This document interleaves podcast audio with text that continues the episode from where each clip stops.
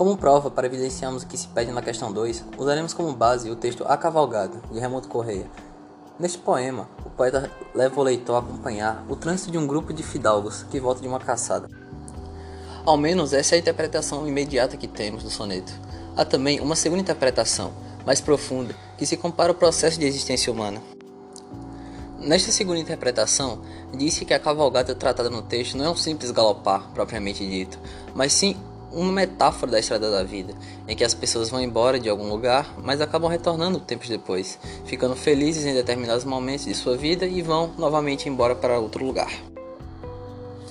O outro trata de uma poesia palasiana, que tem como característica a imparcialidade e pouca emoção.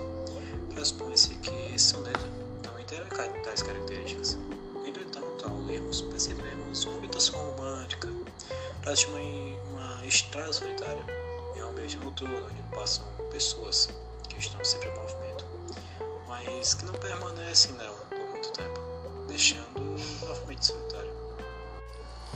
E Raimundo Correia não foi o único poeta panasiano que fez isso.